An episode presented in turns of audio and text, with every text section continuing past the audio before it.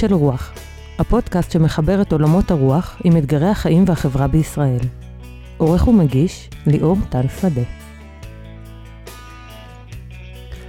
אתה יכול להכין את עצמך לפגישה עם הפילוסוף הגדול ביותר, אולי הפילוסוף האמיתי היחיד של הדור הנוכחי. כשיופיע בציבור, אם בכתב ואם באולם ההרצאות, הוא עתיד למשוך אליו את תשומת ליבה של גרמניה כולה. דוקטור מרקס, זה שמו של האליל שלי. עודו אדם צעיר מאוד, כבן 24 לכל היותר. הוא יכה את הפילוסופיה והדת של ימי הביניים שוק על ירך. הוא משלב רצינות פילוסופית עמוקה ביותר בחריפות עוקצנית במיוחד. שווה בנפשך שרוסו, וולטר, הולבך, לסינג, היינה והגל מתמזגים כולם באדם אחד. מתמזגים, לא ניצבים זה לצד זה. והרי לפניך דוקטור מרקס. כך כותב על קרל מרקס משה הס, שפוגש את מרקס הצעיר בשנות ה-20 לחייו.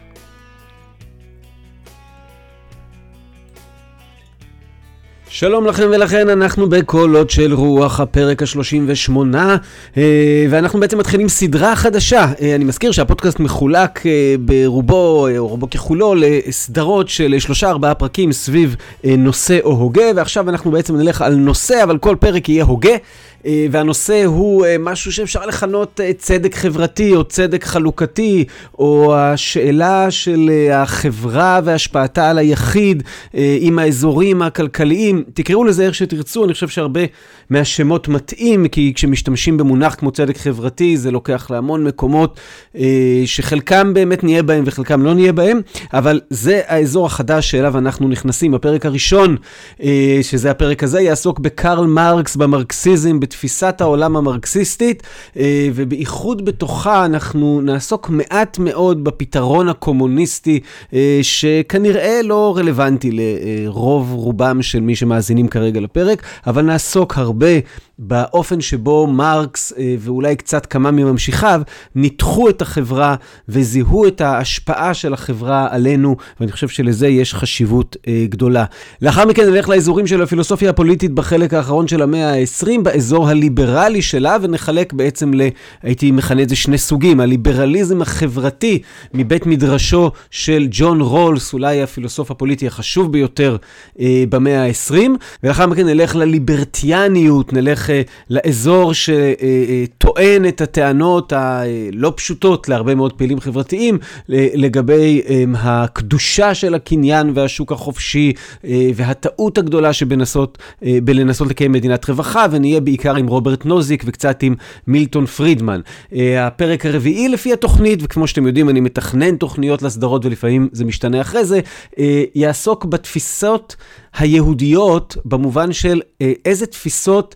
אה, כלכליות, חברתיות, של צדק חברתי, אה, בנושאים שבהם אנחנו עוסקים, אצל מרקס ואצל רולס ואצל נוזיק, איזה תפיסות עולות מתוך היהדות ומתוך מקורות היהדות הקדומים ומתוך הם, אה, הפסיקות הלכה שהיו בתחומים האלה, וננסה לראות אם היהדות מציעה לנו מודל רלוונטי, חי, אפשרי, קיים, שנמצא איפשהו בין התפיסות האלה, ויכול אולי לעזור לנו בלנסות להוציא פרקטיקה, שורות תחתונות. צורות התנהלות מתוך כל מה שנדבר עליו אה, בפרקים האלה. אז זאת התוכנית, לא יודע אם בסוף זה בדיוק מה שיקרה, ואנחנו רוצים לצאת לדרך עם קרל מרקס, השם הזה שהפך להיות כל כך שנוי במחלוקת בגלל שתלמידיו אה, יצרו כמה מהדיקטטורות הרצחניות ביותר בהיסטוריה האנושית. אבל אנחנו ננסה לנתק את עצמנו מתלמידיו ולא נדבר על מה עשו אה, אה, לנין וסטלין ושאר האנשים שהשתלטו על חלקים גדולים מהעולם ויצרו בהם דיקטטורה קשה, אולי נזכיר את זה בכמה מילים. המוקד שלנו יהיה ההגות. אה, של הפילוסוף החשוב מאוד מאוד והמרתק הזה, שנקרא אה, קרל מרקס, שהשקיע למעשה את רוב הכתיבה שלו לא בשאלה מהו הפתרון הקומוניסטי, אלא בניתוח החד מאוד של החברה הקפיטליסטית, שהוא ראה, אפשר להגיד, את ניצניה, את תחילתה, עם המהפכה התעשייתית וכן הלאה, ואנחנו חיים אותה אה, בתצורה אה, מתקדמת מאוד שלה, ואנחנו אה, ננסה לראות את הרלוונטיות של הדברים שהוא אומר לחיים שלנו היום. מילת קורות חיים, ואתם זוכרים את ההסכם בינינו שזה לא פודקאסט של קורות חיים, ושיש ויקיפדיה לצורך כך, אבל מילה של קורות חיים, אז מרקס נולד ב-1800. 1818 ונפטר ב-1883, או במילים אחרות, מדובר בהוגה של המאה ה-19.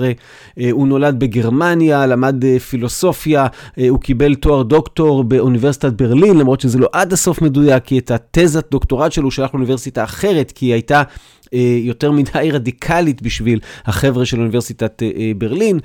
הוא ניסה לג'ני, נולדו להם שבעה ילדים, שארבעה מהם מתו בטרם שהגיעו לבגרות, אחת גם התאבדה מהארבע, אז... היום כשאנחנו שומעים ארבעה ילדים משבעה מתו, אז כמובן טרגדיה עצומה. צריך להגיד, גם, גם להם זה טרגדיה גדולה מאוד, אבל צריך להגיד שתמותת תינוקות ותמותת ילדים הייתה הרבה יותר תופעה נפוצה אה, אה, בימים שלפני 200 שנה. אבל כאמור, אה, מוות של ילד זה, זה מוות של ילד. אה, מבחינה יהודית, אה, נגיד שמרקס אה, הוא בעצם, אה, אה, אבא שלו היה יהודי שהתנצר, אימא שלו יהודייה, כאילו נגיד מבחינת ההלכה מרקס יהודי, אה, אבל אה, קשה להגיד שהיהדות השפיעה עליו, או שמוצאו היהודי השפיע. עליו יותר מדי, קשה גם לנתח ולבדוק את זה, אבל מרקס הוא חצי יהודי או נצר למשפחה יהודית.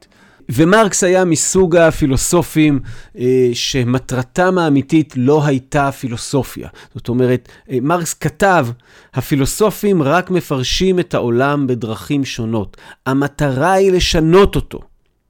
זאת אומרת, המטרה של מרקס בסופו של דבר לא הייתה הפילוסופיה, זאת הייתה דרך, זה היה אמצעי. המטרה של מרקס הייתה החיים שלנו ושינוי החיים שלנו, וזה חלק ממה שמרתק, אני חושב, בהגות של, ה, אה, של האיש הזה. אפשר להגיד שגדול המשפיעים על מרקס אה, היה הפילוסוף הגדול הגל, אה, שלא ניכנס עכשיו להגותו ולתפיסתו, לא שאני מתיימר, לא שיכולתי לעשות את זה אם הייתי רוצה, אה, אבל כן יש משהו בהגל שצריך להבין כדי להתחיל להיכנס לתוך איך מרקס חשב.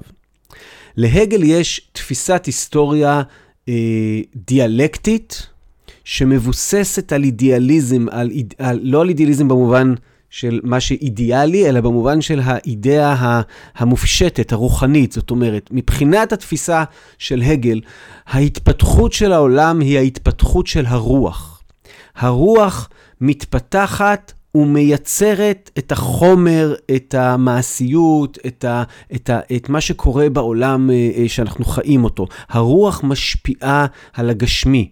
הרעיונות, האידאות, הם הדבר שהולך ומתפתח, והוא מתפתח בשיטה שנקראת דיאלקטיקה, שאם נגיד אותה בצורה הפשטנית ביותר, אז מתפתחת תזה משמעותית, רעיון גדול בתוך העולם, אבל אז אל מול התזה הזאת מתפתחת התזה ההופכית, שבעצם מוצאת את כל הבעיות בתזה הזאת ומציבה אלטרנטיבה. אז מול התזה מתפתחת אנטיתזה.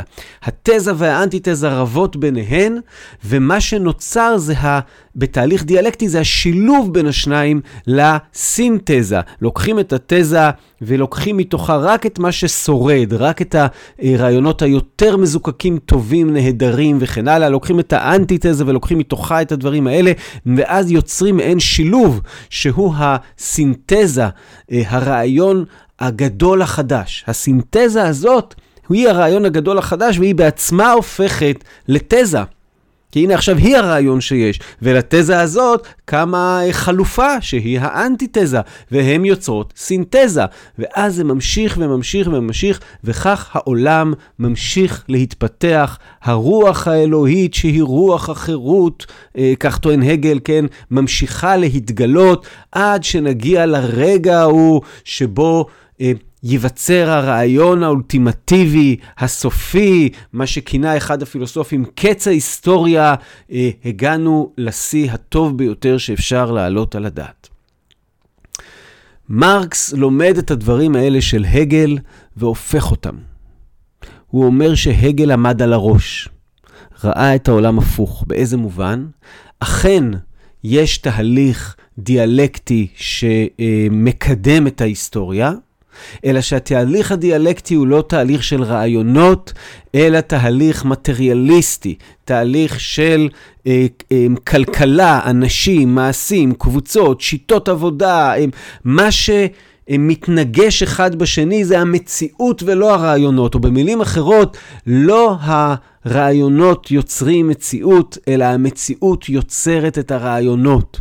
היא עושה את זה בשיטה שאנחנו נדבר עליה בהמשך, שקשורה בתשתית ובמבנה על, כל מיני מושגים מרכזיים בפילוסופיה של מרקס, אבל אנחנו עוד לא שם, אבל אה, נגיע לתוך הדבר הזה. אז כדי להתחיל לצאת לדרך, אנחנו אה, צריכים להיכנס לראש של מרקס מראש שלא מסתכל על אה, אידאות ורעיונות ומתמכר להם ומתבשם מהם ומקדיש את עצמו עבורם, אלא מראש של אדם שמסתכל על החיים שהוא רואה סביבו.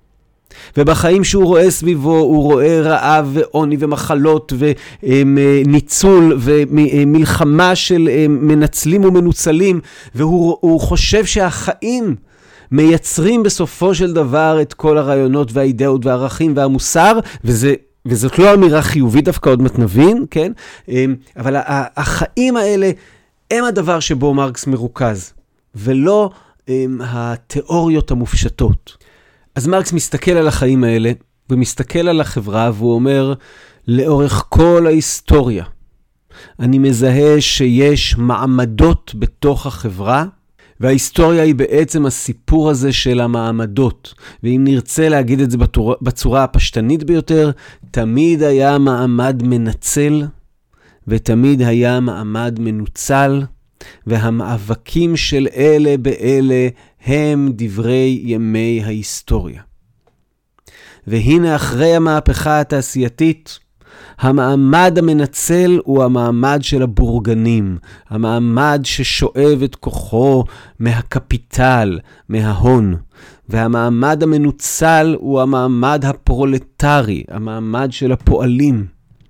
ויש שם באמצע את הבורגנים הזעירים, כן?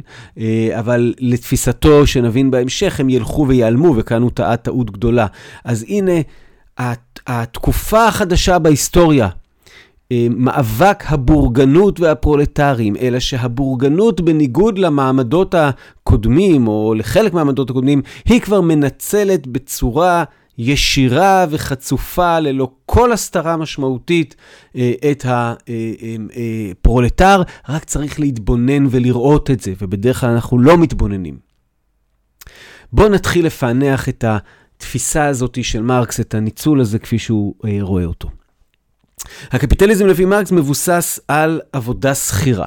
אנחנו יודעים את זה, נכון? אנחנו מסתכלים לכל עבר, אה, יש כאלה שאנחנו מכנים אותם עצמאיים, לרוב יש להם עובדים, זאת אומרת גם להם, הם, הם גם משתמשים בשיטת העבודה השכירה, גם אם הם עצמם לא השכירים, ורוב הגדול של המשק הם, הם אנשים שכירים. עכשיו, איך זה נראה כשיש עבודה שכירה? זאת אומרת, יש כמות קטנה מאוד של אנשים ששולטים בחברות, בתאגידים, בארגונים ששולטים בעבודה, והכמות הקטנה מאוד של האנשים האלה מעסיקה כמות גדולה מאוד מאוד מאוד של אנשים שהם העובדים השכירים.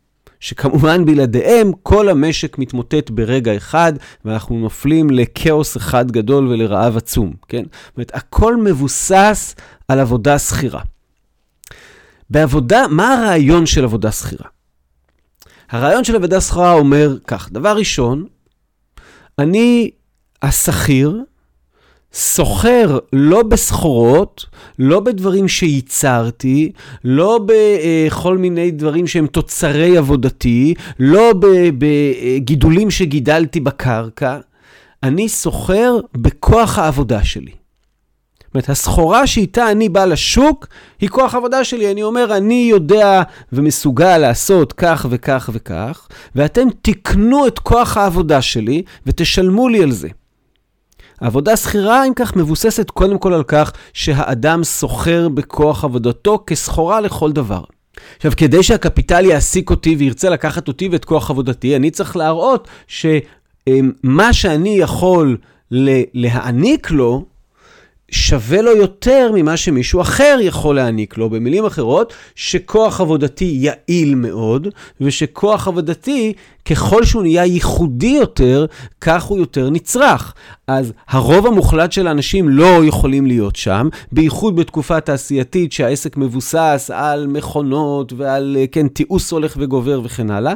ולכן הרוב המוחלט של האנשים יצטרכו פשוט לתפעל בצורה היעילה ביותר איזשהו משהו שלא דורש מומחיות מיוחדת, ויהפכו להיות חלק מאיזה המון גדול, ואפשר יהיה להחליף אותם אם הם פשוט לא יעשו את זה בצורה יעילה, כאשר תמיד תמיד האינטרס של בעל ההון תהיה לקבל את הכי הרבה שהוא יכול לקבל תמורת הכי פחות שהוא יכול לתת. זה הבסיס. למה? כי כל העולם הזה בנוי על מושג הרווח. מושג הרווח הוא המטרה של כל הדבר הזה. הארגון, תסתכלו, בחוק אפילו, כן? ארגון עסקי, מטרתו להשיא רווח. ללא רווח אין לו זכות קיום. רווח למי? רווח למי שהארגון הזה בבעלותו. לא רווח למי שמייצר את הרווח. אבל רגע, רגע, זה, זה לא ברור. איך יכול להיות בעצם שיש רווח? אם אני עובד, ואני מקבל תמורת עבודתי את מה שמגיע לי, זאת אומרת, את הערך היחסי שלי בתוך תוצרי העבודה וערכם, כן? אם אני מקבל את מה שמגיע לי, אבל גם את מקבלת את מה שמגיע לך, וגם אתה מקבל את מה שמגיע לך, בהגדרה לא יכול להיות רווח. כי מה שמגיע לכל אחד מאיתנו, האנשים העמלים בעניין, ביחד, שווה סך הכל ה, ה, השווי של הדבר. אבל ההגדרה פה היא שצריך להיות רווח, זאת אומרת שסך הכל השווי של הדבר יהיה יותר ממה שנקבל. זה מה שמכנה מרקס הערך העודף, זאת אומרת, השכיר לא מקבל את החלק האמיתי שלו ביצור. הוא לא יכול לקבל את החלק האמיתי שלו ביצור, כי אז לא יהיה רווח. השכיר בהגדרה מקבל פחות מהחלק האמיתי שלו ביצור. ולכן הדיל הוא שונה לחלוטין. קודם כל, כשאני שכיר, השאלה, יכול להיות שאפילו לא יודעים מה יהיה בסוף הערך של הדבר. יכול להיות גם שמישהו פה לקח סיכון, יכול להיות שלא יהיה ערך לדבר. אני בכלל לא מקבל את הערך היחסי שלי בסיפור. אני מקבל את מה שדרוש לי למחייתי. במקרה של הפרולטר, של הפועל, אני מקבל את המינימום הדרוש לי למחייתי. ובמקרים שאני קצת מטפס בסולם הדרגות, אני מקבל יותר מזה. מרקס עוד לא צפה את מה שאנחנו רואים היום, את מעמד הביניים הגדול. נדבר על זה, אבל בגדול עדיין יש פה את אותו סיפור עד היום. הסיפור הוא שהערך העודף לא מגיע לכיס של השכיר, אלא מגיע לכיס של הסוחר את השכיר. יש מישהו, או מישהו הם, כן, ששולט שולטים באמצעי הייצור. הם האנשים ששולטים בתאגידי הענק, הם האנשים ששולטים בארגונים, הם האנשים ששולטים ב... האנשים האלה ששולטים באמצעי הייצור, הם אוספים את הרווחים מהערך העודף הזה. והם צוברים לעצמם את ההון. הרווח הוא הרווח שלהם. השכר הוא לא חלק מהרווח, להפך, השכר הוא חלק מה... שווי האמיתי של מה שנוצר, אבל בהגדרה הוא רק חלק מהשווי האמיתי של מה שנוצר. את החלק האחר אוספים קמצוץ קטן של אנשים שהולכים ומתעשרים יותר ויותר. עכשיו, הרווח הזה, הוא הופך להיות, אני אומר עכשיו בשפתי, האל החדש. כל הרגשות וכל היופי וכל, הכל מוחלף בשורה התחתונה שנקראת רווח. אומר לנו מרקס באמצע המאה ה-19, הרווח הזה והרצון להגדיל אותו ולהגדיל אותו, הוא יריץ את הבורגנות על פני כל כדור הארץ. בזה הוא צופה בצורה מבריקה את תהליך הגלובליזציה שנובע אה, לא רק מהתפתחות טכנולוגית, אלא מהרצון להגדיל את הרווח. אגב, גם ההתפתחות הטכנולוגית הרבה פעמים נבעה מהמקומות האלה. זאת אומרת, לרווח יש כוח עצום. הרווח הזה הופך עכשיו, למשל, מושגים כמו יעילות ואפקטיביות למושגים החשובים ביותר שיש לנו בחיים ובעולם. הרווח הולך ומשתלט על מה שקורה פה, והרווח הזה בבסיס שלו, מבחינת מרקס, יש בו משהו בלתי מוסרי בעליל. כי אני לא מקבל את מה שמגיע לי על מנת שמישהו אחר יקבל עוד ועוד ועוד ועוד. הרווח עולה עבור הבורגן, כן? הרווח עולה בא במידה ששכר העבודה יורד. אנחנו מבינים, נכון? ככל שההוצאות שלי יהיו פחותות יותר, כך הרווח שלי יעלה. לכן, באופן אינהרנטי לשיטה, האינטרס של ההון והאינטרסים של העבודה השכירה מתנגדים זה לזה תכלית ניגוד. זה ציטוט של מרקס, כן? האינטרס שיש עכשיו אמ, למי שמשלם לי את שכרי, הוא כמובן לשלם לי כמה שפחות. עם כל מיני חישובים של רגע, פה אני כדאי לי להוסיף לו כי אז הוא יהיה יותר יעיל, פה כדאי לי להוסיף לו כי תהיה לו מוטיבציה, פה כדאי לי להוסיף לו כי הוא לא יעבור למתחרה. אבל בסוף אני נותן את הכי פחות שאני יכול כדי להמשיך להשיג את הכי הרבה שאני יכול. והאינטרס של השכיר הוא בדיוק הפוך. האינטרס של השכיר הוא לקבל כמה שיותר, או בוא נגיד לכל הפחות, האינטרס של השכיר הוא לקבל את הערך האמיתי שלו, אבל הוא בחיים לא יכול לקבל את הערך האמיתי שלו. מה שקורה זה שמעמד הפועלים עובד קשה מאוד כדי להצליח להרבות ולהגדיל את הכוח האויב לו, את העושר הזר, העושר ששולט עליו. ככל שהפועל מקבל תנאים טובים יותר, כן, אמ, בסך הכל מה שמנסים זה להשקיט אותו וללטף אותו כדי שהוא לא יבין את מה שמתרחש כאן, כי הוא במו ידיו מייצר את אותם כבלים שבהם הבורגנות כובלת אותו.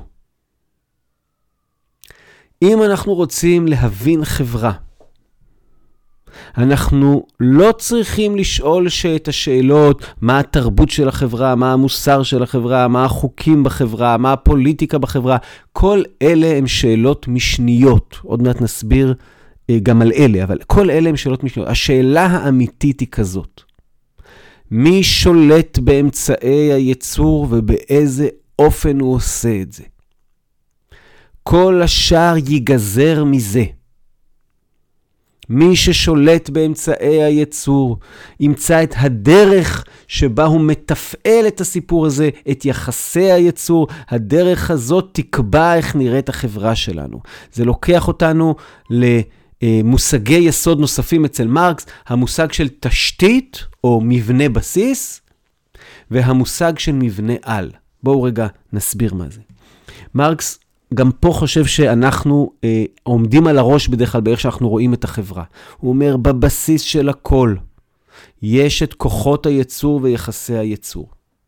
כוחות הייצור זה כלל האמצעים הטכנולוגיים שעומדים לרשות החברה, ושמכתיבים את כמות וסוג המשאבים שהיא יכולה להפיק.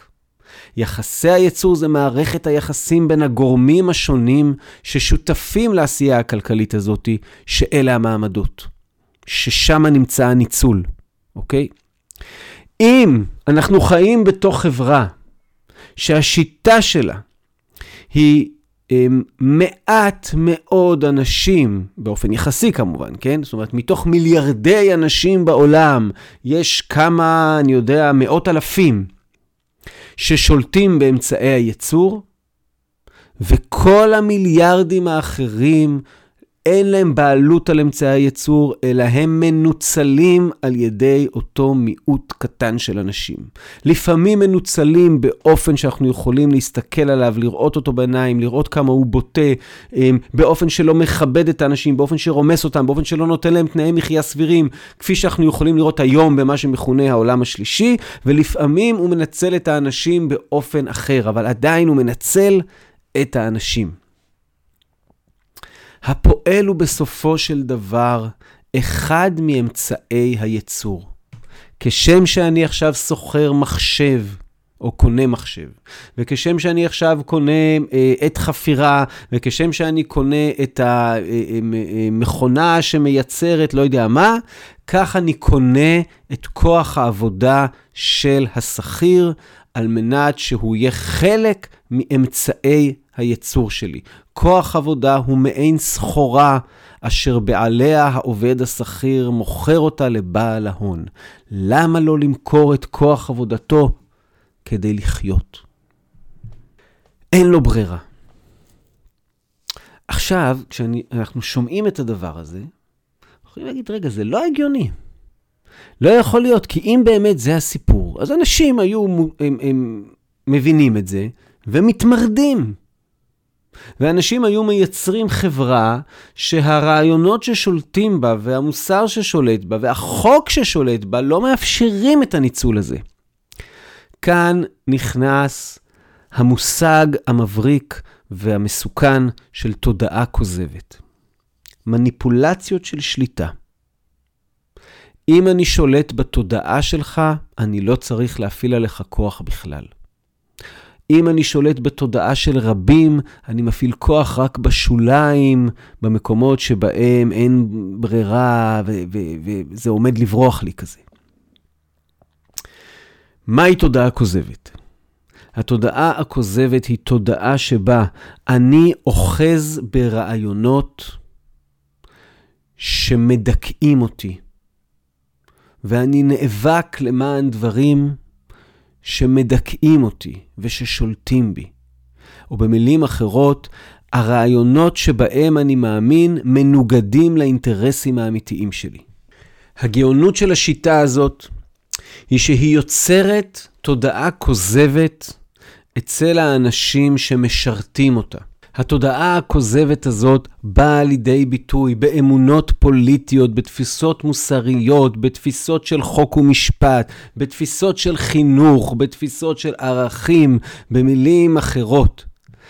אם התשתית שהצגנו קודם, התשתית של כל החברה, היא אמצעי הייצור וכוחות הייצור ויחסי הייצור, והשאלה מי שולט בכל הדברים האלה, אז על התשתית הזאת מתחילה להיבנות החברה, מתחיל להיבנה מבנה על שכל מטרתו לשרת את התשתית. מבנה העל הזה מורכב כל הדברים האלה שעכשיו אמרנו, שהם בסופו של דבר, מש... כולנו מאמינים בקניין פרטי. למה? כי זה משרת את השיטה. כולנו מאמינים ביעילות, כי זה משרת את השיטה. כולנו מאמינים בסוגים מסוימים של חירות. אנחנו מבינים את המושג חירות באופן מסוים, ואז אנחנו יכולים להשתמש במושג שוק חופשי, כי זה משרת את השיטה, וכן הלאה וכן הלאה. במילים אחרות, השיטה, התשתית החומרית של אופן היחסים הכלכליים בחברה, מהתשתית צומח איזשהו סוג של מבנה שהב... שלא היה יכול להתקיים עם תשתית אחרת. וכל מטרתו של המבנה הזה זה לחיות על התשתית הזאת ולהצדיק את התשתית הזאת. ואז מחנכים אותנו ומלמדים אותנו ונוטעים בנו ערכים שכל הערכים האלה בסופו של דבר משרתים את השיטה שדופקת אותנו.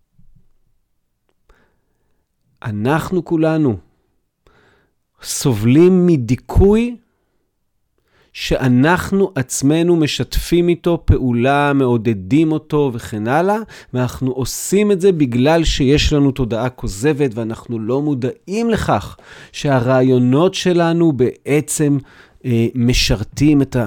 קחו לדוגמה, אה, דוגמאות שמרקס נותן, קחו לדוגמה את הדת. כל הסיפור של הדת זה שההמונים, במקום להתרכז ולראות את הדברים החשובים בחיים, ובין היתר לזהות מי מנצל אותם ולהיאבק נגדו, יהיו עסוקים. לקיים שורה של ציוויים ששולטים בהם, ויהיה להם איזה סוג של אופיום כזה שמחזיק אותם ומאפשר להם להמשיך ולעשות את מה שהבורגנות מצפה מהם לעשות. קחו לדוגמה את הלאומיות.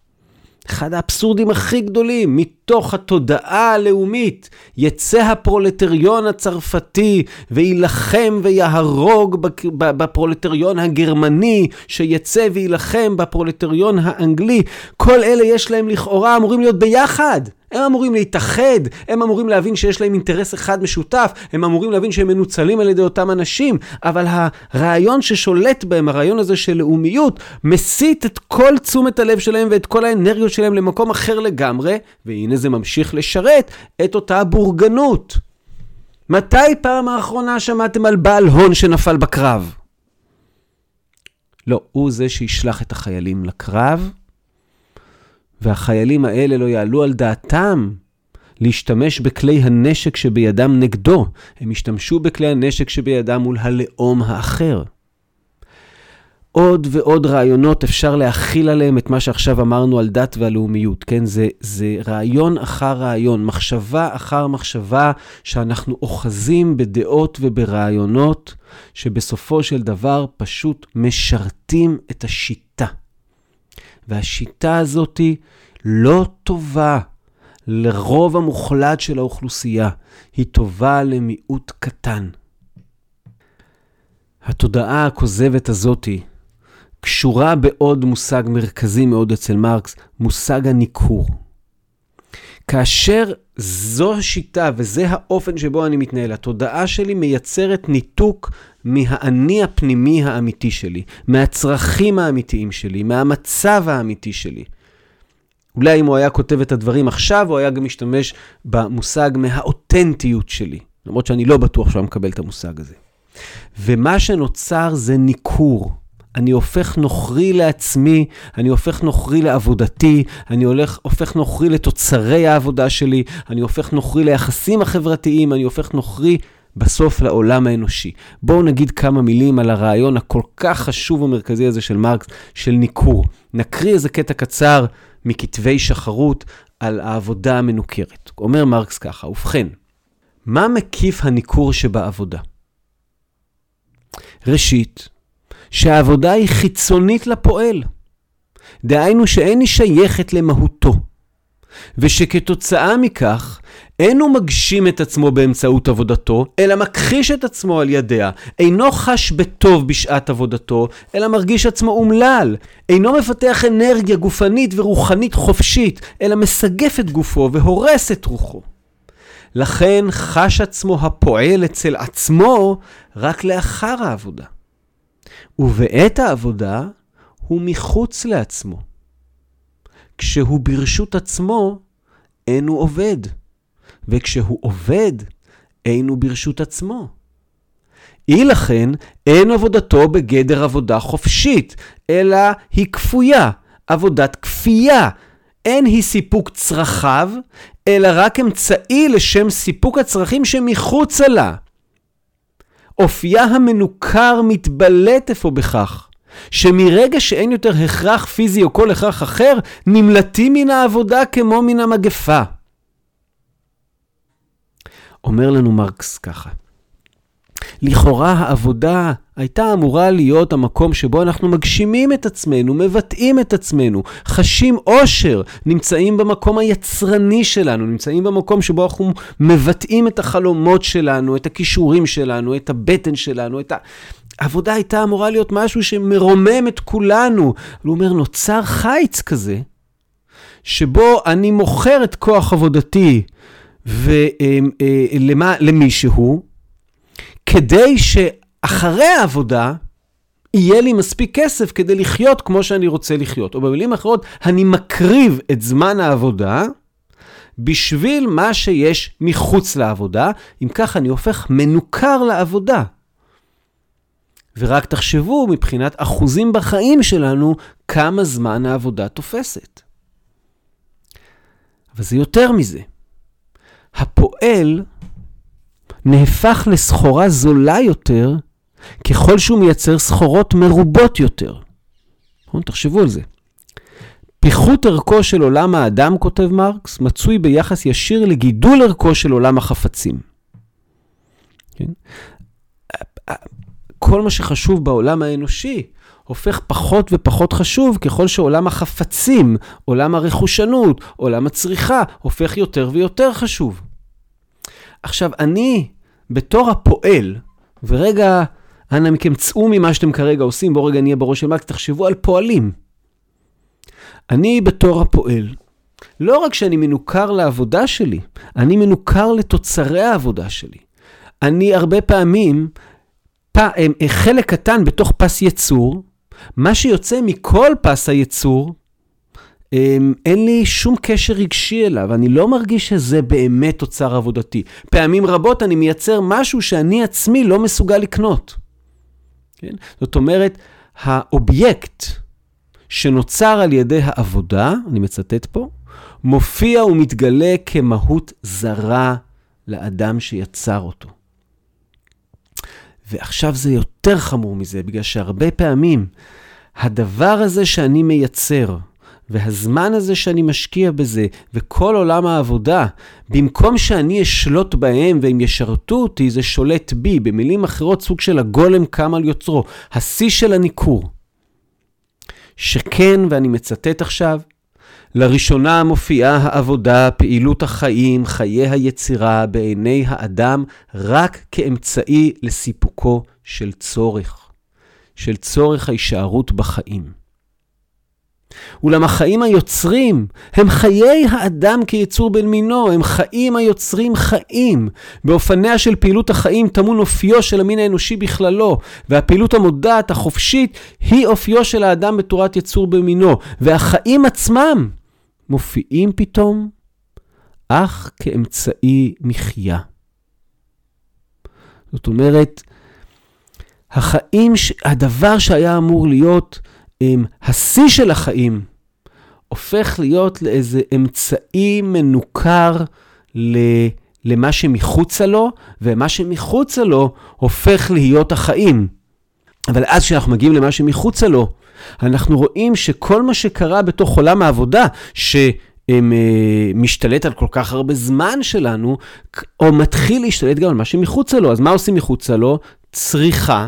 מה עושים מחוצה לו חפצים, מה עושים מחוצה לו אה, מין בידור זול כזה שמעביר את הזמן, מה עושים מחוצה לו, מתחילים לפתח, הערכים שנתנו לי בעולם העבודה, כן? מתחילים להשתלט לי על מה שמחוצה לו, אני מתחיל לחשוב בצורה של יעילות, בצורה של אפקטיביות, בצורה של אגואיסטיות, בצורה של הכל אמצעי. ואז בסופו של דבר גם האדם השני, שלאורך כל היום היה עבורי רק אמצעי, חלק מאותו פס ייצור, אז גם האדם השני הופך להיות, בהרבה מאוד מישורים של החיים, אמצעי. זאת אומרת, האדם הופך מנוכר. לא רק לעבודה וליחסי העבודה ולתוצרי העבודה, הוא הופך להיות מנוכר לאדם האחר. וכל הדבר הזה יכול להסתיים רק בדרך אחת, שהאדם הופך להיות מנוכר לעצמו.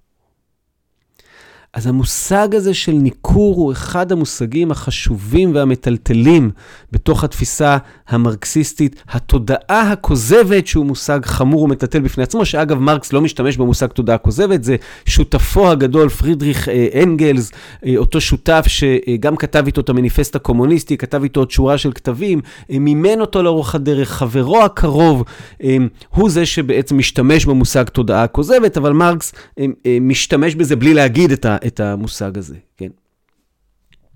אז מה, מה, מה יש לנו עד כאן?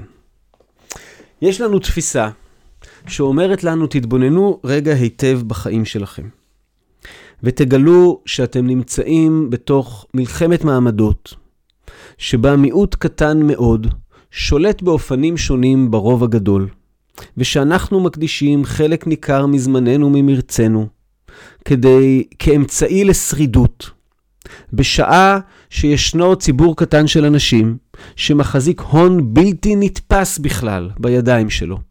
וכל דבר שאנחנו עושים מתוך חשיבה, אה, אולי אני בכל זאת אצליח אה, לקנות עוד איזה משהו, אולי בכל זאת אני צריך לעשות עוד איזה טיול לחו"ל, כל הדברים האלה הם בשבילה, בשביל אותו אה, בעלי הון, אה, כן, זה, זה הפינאט שלהם, זה, זה שום דבר, זה כאילו, מבחינתם זה פיצוחים, כן, הם צוברים עוד ועוד ועוד. אה, אה, מהכסף שהיה אמור להיות שלנו. והאדם הזה מרגיש חופשי. האדם הזה, העובד השכיר, מרגיש שיש לו חופש. הוא בחר במקום העבודה שלו, הוא בחר uh, להתחתן עם uh, זו, זו זה, הוא בחר בכל מיני, אבל בעצם החיים שלו מבוססי שעבוד בלתי נראה תודעה כוזבת שבה הוא משרת שיטה שדופקת אותו. כולנו כל הזמן משרתים את השיטה הגדולה, שהיא שיטה נפלאה עבור קמצוץ של אנשים ושיטה לא טובה עבורנו. זאת הטענה של מרקס. עכשיו, כשמרקס כותב את הדברים האלה, הוא כותב אותם על החברה הקפיטליסטית כפי שהוא רואה אותה מול עיניו, שבה יש מעמד ענק של פועלים.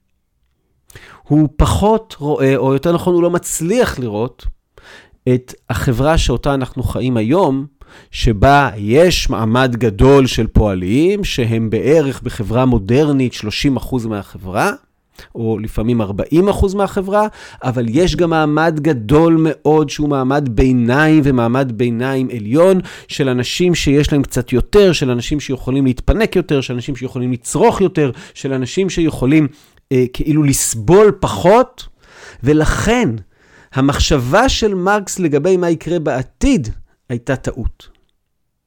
כי מרקס חשב שהתוצאה של מה שהוא רואה מול העיניים יהיה שהפרולטריון, מעמד הפועלים, יגדל ויגדל, יתרושש ויתרושש, והמעמד הבורגני יקטן ויקטן, יתעשר ויתעשר, עד שיגיע הרגע שיהיה פה חבורה עצומה של אנשים שפשוט כבר אין להם מה להפסיד. ואותם אנשים שאין להם מה להפסיד, שיהיו הרוב הגדול של האנושות, פשוט יתקוממו כנגד אותו מיעוט קטנטן ששולט בהם, וכבר התודעה הכוזבת תיפרץ, וההתקוממות בו תבוא, וכאשר פועלי כל העולם יתאחדו, הם גם יוכלו לשלוט. והצפי הזה של מרקס נתקע במקום שבו הוא חשב יותר ויותר פועלים שיהיו יותר ויותר עניים. ומה שקרה זה אה, פחות פועלים אה, שהם מאוד עניים, ויותר ויותר שכבות שמנוצלות, ששולטים להם בתודעה. שמבנה העל שלהם משרת את התשתית שלא משרתת אותם, כל מה שאמרנו, אבל שחיים בנוח. הנוחות הרסה את הצפי של מרקס. אז מרקס חשב שמה שיקרה, יקרה כך. הפרולטריון הזה יתקומם, בהתקוממות הפרולטריון ייקח את המושכות וישתלט על אמצעי הייצור, ואז יהיה לנו שלב של דיקטטורה של הפרולטריון. הדיקטטורה של הפרולטריון תוביל להרס של אחד הגופים שהוא אחד הגופים הכי חזקים בתוך אה, עולם התודעה הכוזבת, הגוף של המדינה. המדינה תגווע, הפרולטריון יוכל לשחרר את הדיקטטורה, הנה אחת הפנטזיות של מרקס, כן? הדיק... הפרולטריון יוכל לשחרר, את הדיקטטורה אל עבר השלב הסופי שהוא סוג של אוטופיה שוויונית. בה אין יותר יחסי ניצול. מה קורה שם בדרך? בדרך מבטלים את השורש של כל הרוע, שזה הקניין הפרטי. אם אין קניין פרטי, כל מה שאמרתי עכשיו אה, אה, בניתוח של הבעיות של הקפיטליזם לא יכול לקרות. קח את הקניין הפרטי והרסת את מושג הרווח, והרסת את מושג העבודה השכירה, והר... כאילו ברגע שאין קניין פרטי כבר פתרת חלק גדול מהבעיות. אז אמ, לא יהיה קניין פרטי, והמשפט הידוע שלא מרקס המציא, הומצא לפניו, אבל הוא משתמש בו, מכל אחד לפי יכולתו, ולכל אחד על פי צרכיו. נייצר אוטופיה שוויונית, שבה בני אדם מקבלים את מה שהם צריכים לקבל. באופן עקרוני אותו דבר, אבל אם יש אדם חולה, הוא יקבל גם תרופות, ואם יש אדם שזקוק ל... לא יודע, הנגשה, אז הוא יקבל הנגשה. אבל הנה האוטופיה השוויונית שמחכה שם בסוף. הנה הטעות העצומה של מרקס, שלא הבין ש... א', הפרולטריון לא ילך ויגדל ויעני, אבל הוא גם לא הבין את אה, זה שהמערב הולך להשתלט על שאר העולם, הוא לא הבין איך תראה הגלובליזציה החדשה, הוא לא הבין את היצירה האדירה של מעמד הביניים, המעמד שנוח לו, אמ, הוא לא הבין שגם אם תהיה דיקטטורה של הפרולטריון, הפרולטריון הוא עצום, הוא לא יכול, בסוף זה יהיה נציגי הפרולטריון, ונציגים שמקבלים כוח כזה לידיים לעולם יהפכו להיות דיקטטורים ולא נציגים, ואף פעם לא יוותרו על הכוח שלהם.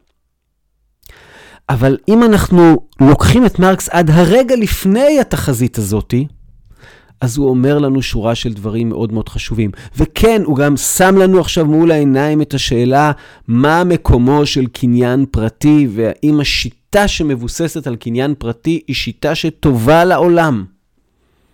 ומרקס רצה לבטל חלקים גדולים מכל מה שאנחנו מכירים כמובן מאליו. הביטול של הלאומיות, הביטול של המבנים החברתיים, הביטול של המשפחה כפי שהיא כיום, הביטול של הקניין הפרטי, הביטול של הרכושנות, הביטול של שיטת הרווח. מרקס מדמיין עולם אחר. מרקס הוא הוגה רדיקלי, במילים אחרות הוא הוגה שנוגע בשורשים.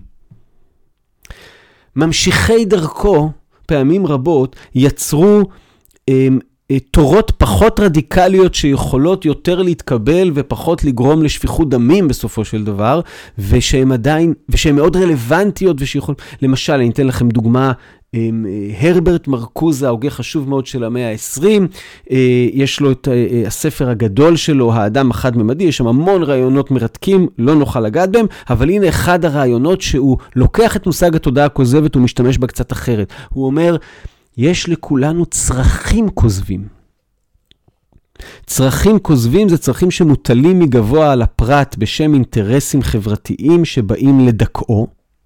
זה צרכים שמנציחים את העמל והיגיעה, שמנציחים את התוקפנות, את המצוקה, את אי הצדק ואת העוול, אבל אני מרגיש אותם כצורך, ויש פה את הטריק הגדול, שכשאני ממלא את הצורך, אני חש סיפוק והנאה גדולה. עכשיו, אם יש משהו שאני מרגיש אותו כצורך, זה מה שאני צריך, אז ברור שאני אשקיע את כל האנרגיות שלי כדי למלא אחר הצורך.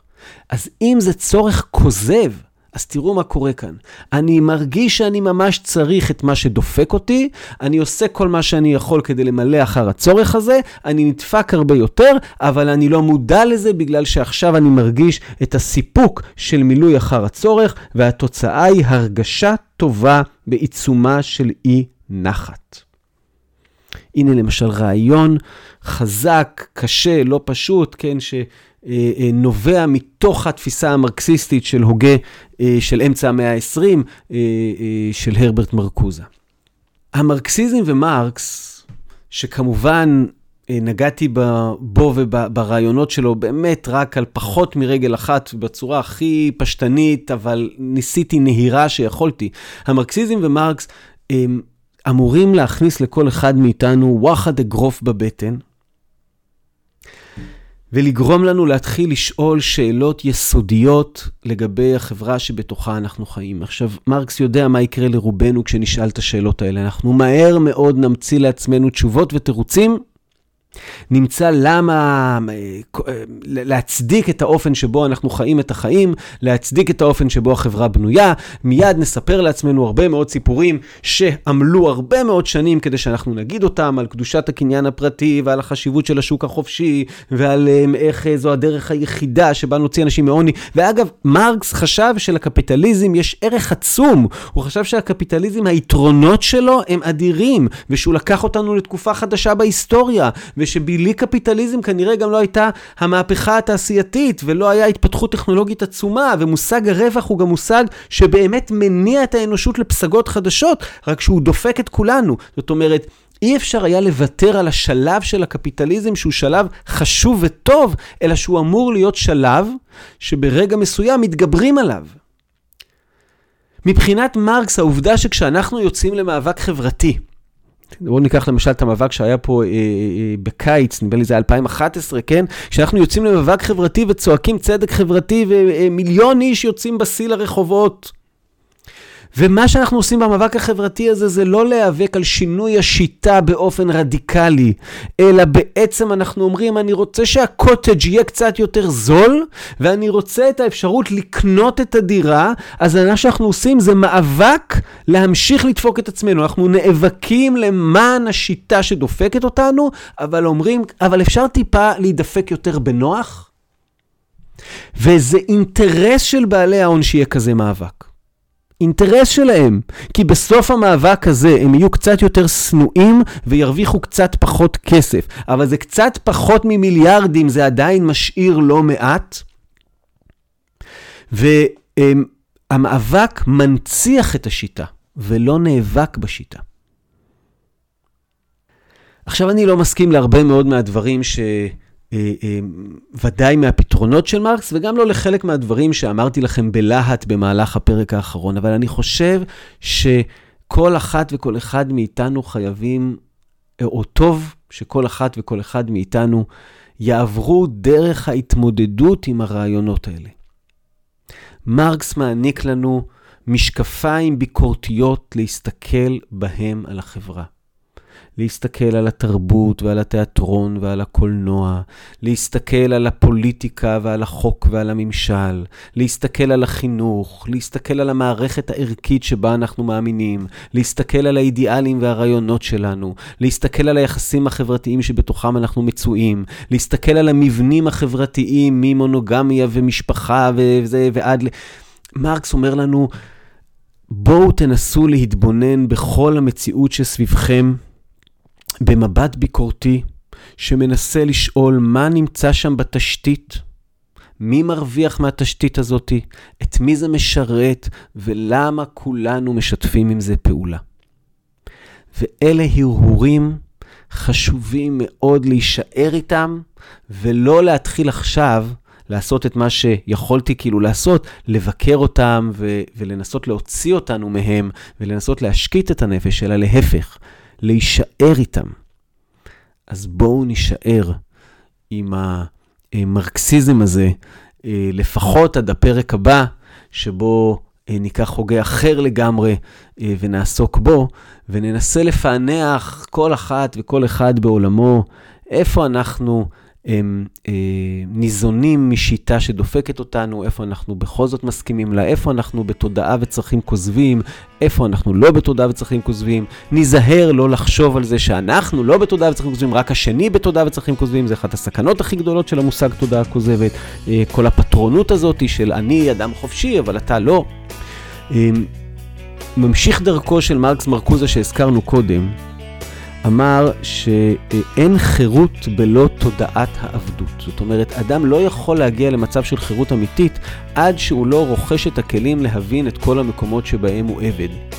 אולי זאת אחת התרומות הגדולות ביותר של מרקס לאנושות. הוא מכריח אותנו, את אלה שמקשיבים לו, למצוא את המקומות האלה שבהם אנחנו עבדים, למען נוכל להשתחרר מהעבדות. תודה לכם שאתם איתנו. מקווה שזה לא היה דרמטי מדי, וניפגש, כמו תמיד, בפרקים הבאים.